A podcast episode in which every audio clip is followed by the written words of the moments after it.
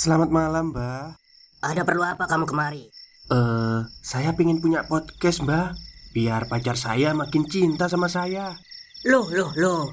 Mau bikin podcast kok tanya dukun? Sekarang kamu download aplikasi Anchor.fm. Di situ kamu bisa buat podcast gratis dan podcast kamu bisa didistribusikan ke platform mana pun. Dan di aplikasi atau website Anchor.fm juga terdapat fitur-fitur yang memudahkan kamu untuk membuat podcast. Oh, gitu ya, Mbak. Kalau gitu, saya boleh minta password wifi-nya, Mbak. Buat apa?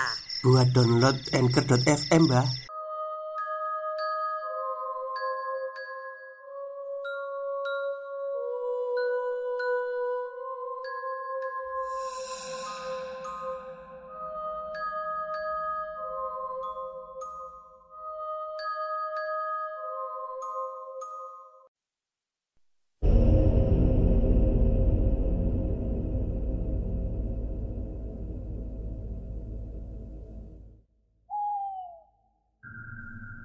Assalamualaikum warahmatullahi wabarakatuh. Halo semuanya Jumpa lagi dengan saya Chow Sing Sing Kurator dari podcast Horror Night Story. Halo apa kabar semuanya? Semoga baik-baik saja ya kalian. Dan seperti biasanya pada siang hari ini Saya kembali dan akan menghadirkan sebuah kisah mistis untuk kalian semua. Kisah mistis kali ini adalah lanjutan dari kemarin kereta api pengangkut jenazah. Dan ini adalah bagian kedua sekaligus terakhir ya Dari Mas Dioseta Oke, daripada kita berlama-lama Mari kita simak ceritanya.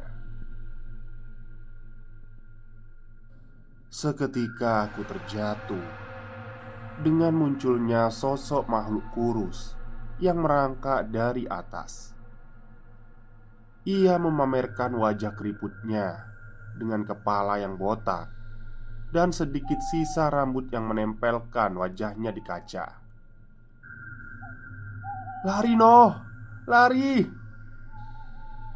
Kasdi pun menarik bajuku dan membawaku menuju gerbong berikutnya. Setelah lima gerbong sebelumnya, aku tidak lagi berharap banyak dari gerbong ini.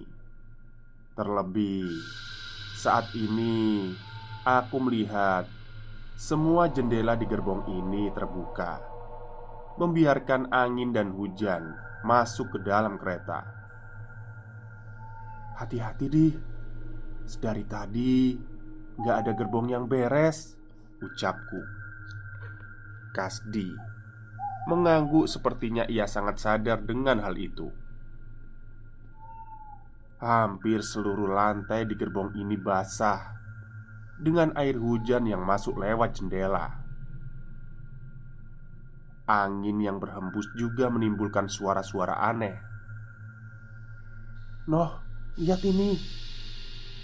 Ucap Kasdi menunjukkan benda yang terdapat di kursi. Tas, bungkus makanan, plastik berisi barang, jaket, Benda-benda itu tertinggal dalam kondisi basah di kursi-kursi gerbong ini. "Maksudmu gimana, Di?" tanyaku. "Bukannya ini artinya tadi ada orang yang menempati gerbong ini?" ucap Kasdi. "Benar juga. Ini bukan barang-barang lama. Sisa-sisa makanan pun masih belum membusuk." Terus mereka pada ke mana? Tanyaku Kamu udah tahu kan aku bakal jawab apa? Iya sih Tapi siapa tahu kamu punya perkiraan. Kasdi menghela nafas. Sepertinya bukan tidak punya firasat. Kasdi hanya berharap firasatnya salah. Sambil berhati-hati kami berjalan melewati gerbong ini. Selama berjalan, sepertinya aku sedikit membaca firasat Kasdi. Orang-orang yang berada di gerbong ini sepertinya pergi dengan terburu-buru. Nah, kamu tahu kan? Sepertinya orang-orang yang ada di gerbong ini pergi buru-buru. Jangan bilang alasan semua jendela ini terbuka karena orang-orang itu pergi melalui jendela, Di. Saat menyadari hal itu, seketika aku merasa gerbong ini berbahaya. Pasti ada sesuatu yang membuat orang-orang itu nekat melakukan hal itu. Aku tidak habis pikir apa yang bisa membuat hal itu terjadi. Sembari memikirkan hal itu, aku merasakan ada hal yang aneh. Entah mengapa, tiba-tiba saja kepalaku terasa sangat sakit. Aku memperhatikan Kusno. Dia juga memegangi kepalanya. Apa dia merasakan hal yang sama? Aduh, kepalaku di tiba-tiba sakit, ucapku. Iya, noh. Tadi aku kira cuma sakit kepala biasa. Kenapa sekarang tambah sakit ya? Balas Kasti heran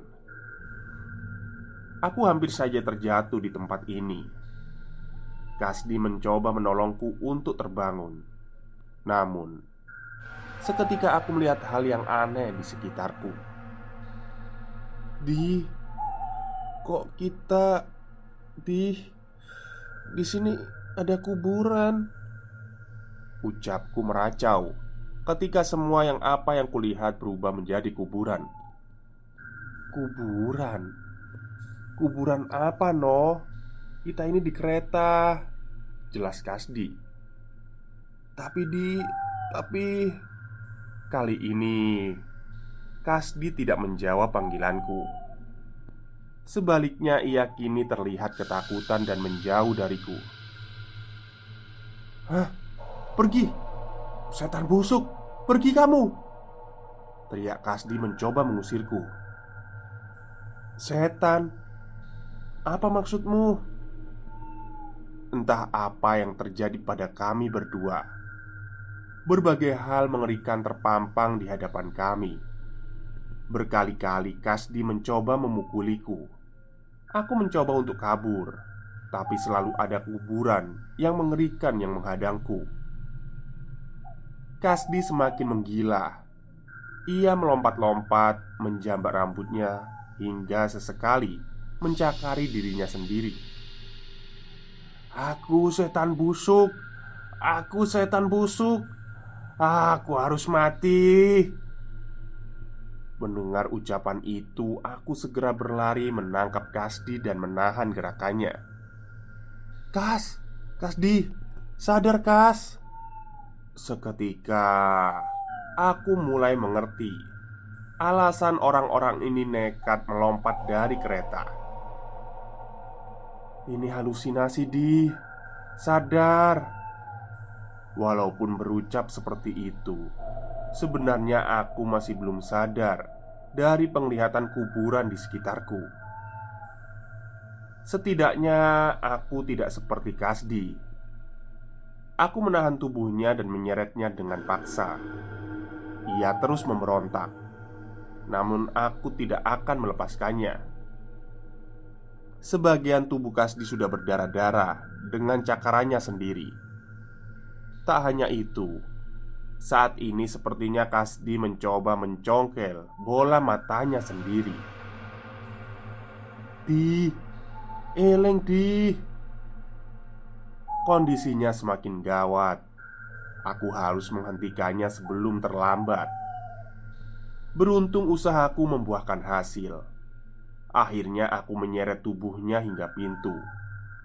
Dengan segera aku membuka pintu itu dan membawanya keluar. Di, sudah di, tarik nafas, tarik nafas, teriakku padanya. Perlahan, ilusi yang melingkupi diriku mulai memudar. Namun aku terus memegangi Kasdi. Salah sedikit saja, ia bisa terjatuh. Cukup lama Kasdi mengamuk. Tapi akhirnya lambat laun ia berhenti. Wajahnya terlihat bingung dengan apa yang terjadi pada dirinya. Di, di, kamu udah sadar? Tanyaku panik Aku kenapa noh? Kasdi bingung Kamu kesurupan Eh bukan Kita Kita berhalusinasi di Jelasku Kasdi Mencoba mencerna apa yang terjadi Lambat laun Ia merasakan sakit dari bekas cakarannya sendiri Cukup lama kami menunggu di sambungan gerbong itu. Tak peduli seberapa angin dingin yang menerpa kami dan hujan mengguyur kami. Untuk kami, saat ini kedua hal itu tidak lebih buruk dari kejadian yang kita alami tadi. Kereta ini sepanjang apa sih, Noh? Tanya Kasdi.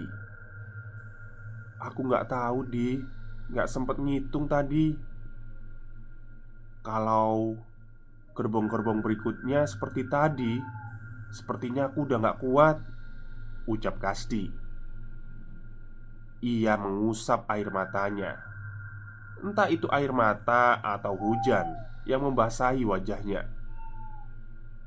Tenang di, tenang. Kita hadepin ini bareng-bareng Ucapku.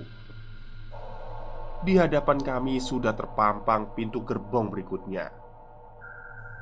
Aku belum siap untuk menghadapinya, tapi cepat atau lambat, kami pasti harus membuka pintu gerbong itu. Butuh waktu beberapa menit hingga Kasdi mulai bisa berdiri dengan tenang. Sepertinya Tetesan air hujan dan angin yang kencang juga membuatnya tidak betah di sambungan gerbong ini. Kira-kira apa yang ada di gerbong itu ya? Tanya Kasdi. Gak tahu di Tapi kita harus cepat-cepat menemui siapa pun petugas atau masinis yang ada di depan balasku. Kasdi mengatur nafasnya. Ia menatap tajam pintu gerbong di depan dan mempersiapkan mentalnya. Pokoknya, begitu kita buka pintu itu, kita harus langsung lari secepat mungkin. Apa pun yang ada di sana, kita harus pura-pura tidak melihat saja. Perintah Kasdi. Aku setuju dengannya. Kita tidak perlu tahu ada apa yang ada di gerbong setelah ini, sampai kita menemukan manusia siapa pun itu. Satu, dua, tiga. Aku membuka pintu, sementara Kasdi berlari duluan. Aku segera menyusul mengikutinya. Brak! Seketika Kasdi menabrak sebuah tembok yang membuatku juga terjatuh menabraknya. Aduh, asem. Opo iki? Ucap Kasdi. Gimana toh? Kok malah nabrak? Balasku. Kasdi meraba-raba tembok di depannya. Ia pun menemukan jalan dari sisi sebelahnya. Asem. Gerbong makan noh. Penyok hidungku. Stop, stop. Kita break sebentar. Jadi gimana? Kalian pengen punya podcast seperti saya? Jangan pakai dukun, pakai Anchor. Download sekarang juga. Gratis. Aku menepuk dahiku. Kami sama sekali tidak menyangka akan gerbong berikutnya adalah gerbong makan. Ya udah, hati-hati. Nggak usah peduliin apa pun Ucapku Kasdi setuju Dalam kegelapan kami berusaha mencari jalan untuk lekas meninggalkan gerbong ini Ada makanan gak ya?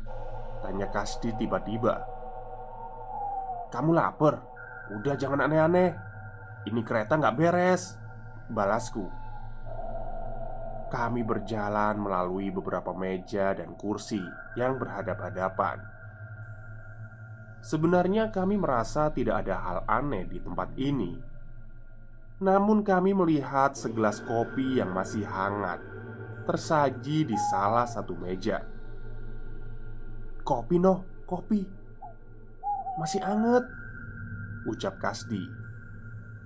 "Berarti tadi ada orang di sini," balasku. Kasdi mengangguk. Kami pun merubah rencana kami dan mencari orang itu. "Permisi, Mas, Mbak, siapa pun, ada orang di sini." Kami mencari perlahan ke setiap meja dan bangku di bawahnya, namun tidak ada petunjuk apa pun. Tidak menyerah, aku pun melompat ke dalam meja bar tempat yang membatasi petugas restorasi dan penumpang. Aku mengecek ke kolong meja hingga kerak yang ada di dalamnya. Awalnya aku pikir tidak akan menemukan apa-apa, tapi saat sampai di lemari penyimpanan belakang, tiba-tiba terdengar suara ketukan yang sepertinya tidak disengaja. Aku membuka lemari itu, dan benar saja ada orang di sana. "Di, di, sini, di, ada orang."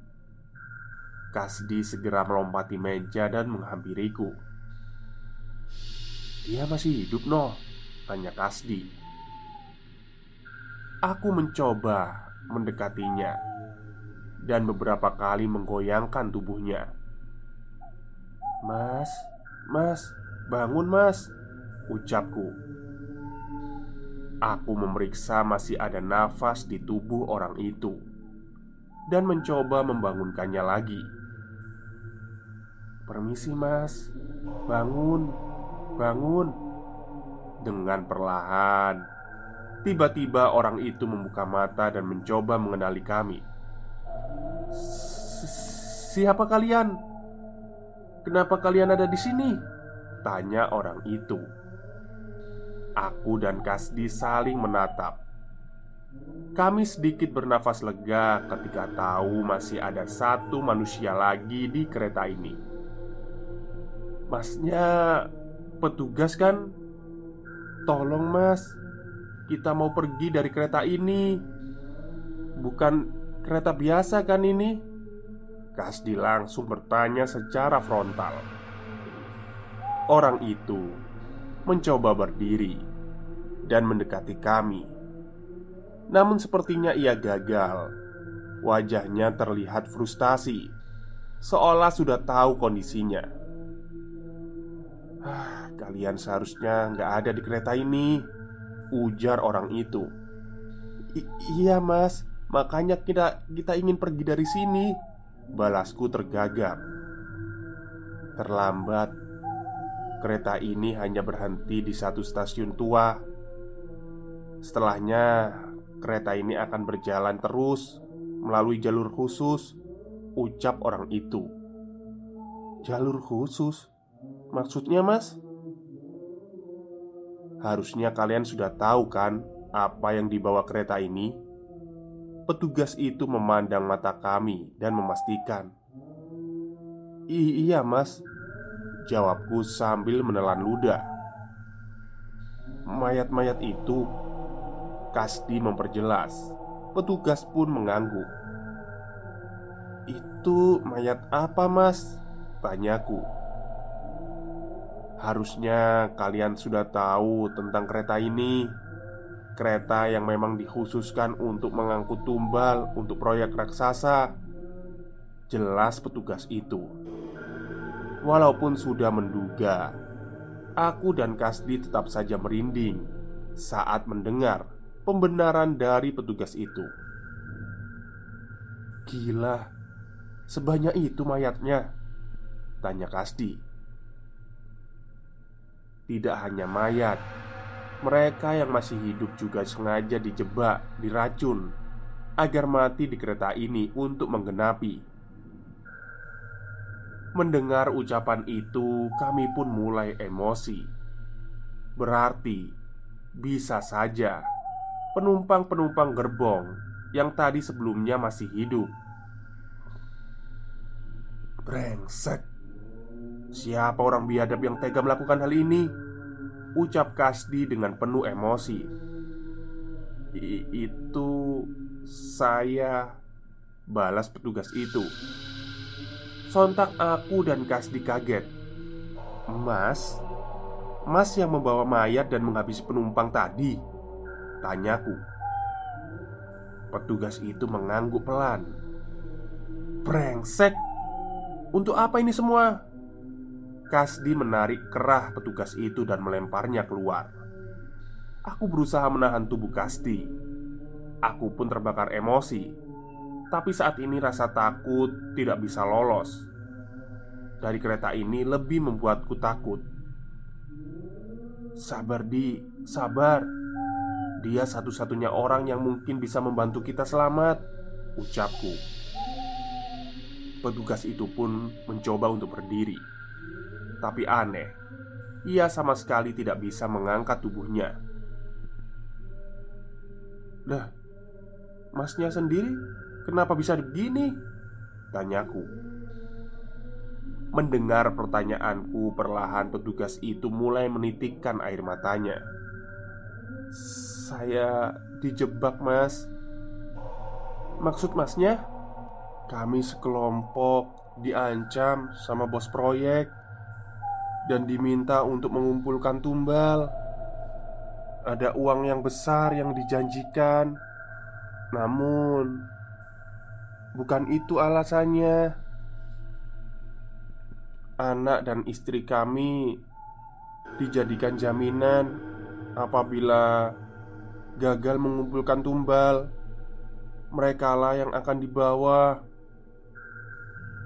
Maksudnya, Bila tidak ada yang mengumpulkan tumbal Anak istri masnya dan yang lain yang akan dikorbankan gitu? Tanyaku Petugas itu mengangguk. Terus Kenapa masnya masih di sini? Tanya Kasdi. Aku Berusaha menghitung seluruh jasad Dan korban yang disiapkan Namun ternyata kurang satu saya mulai merasa ada yang gak beres Dan ternyata dugaan saya benar Sayalah yang harus menggenapi jumlah tumbal itu Jelasnya pada kami Bagaimana bisa? Apa yang dilakukan mereka sama masnya? Kopi itu Saya membuat kopi sembari mencari cara untuk pergi Ternyata ada racun di kopi itu Jelasnya. Seandainya bukan dari kopi itu Pasti ada cara lain yang dilakukan untuk membunuh saya. Kasdi menatapku. Kami menoleh kembali ke arah gelas kopi Yang seharusnya sekarang mulai mendingin. Pergilah. Kalau kereta ini sudah sampai tujuan Kalian gak mungkin selamat. Sekarang cepat pergi. Dari tadi Memang itu tujuan kami. Tapi gimana caranya mas? Tanyaku Rem darurat di setiap gerbong sudah rusak. Dari 13 gerbong yang ada hanya gerbong paling depan Yang memiliki rem darurat Ucap petugas itu. 13 gerbong Berarti masih setengah perjalanan lagi? Balasku. Kami mengalami berbagai kejadian di gerbong sebelumnya mas. Apa gerbong berikutnya juga sama Atau malah lebih parah? Tanya Kasdi. Wajah petugas itu terlihat bingung. Kejadian? Seharusnya hanya ada jasad dan orang baru saja yang meninggal mas. Ucap petugas itu Aku berpikir, mungkin saja benar kejadian-kejadian sebelumnya adalah halusinasi atas rasa takut kami setelah melihat mayat sebanyak itu.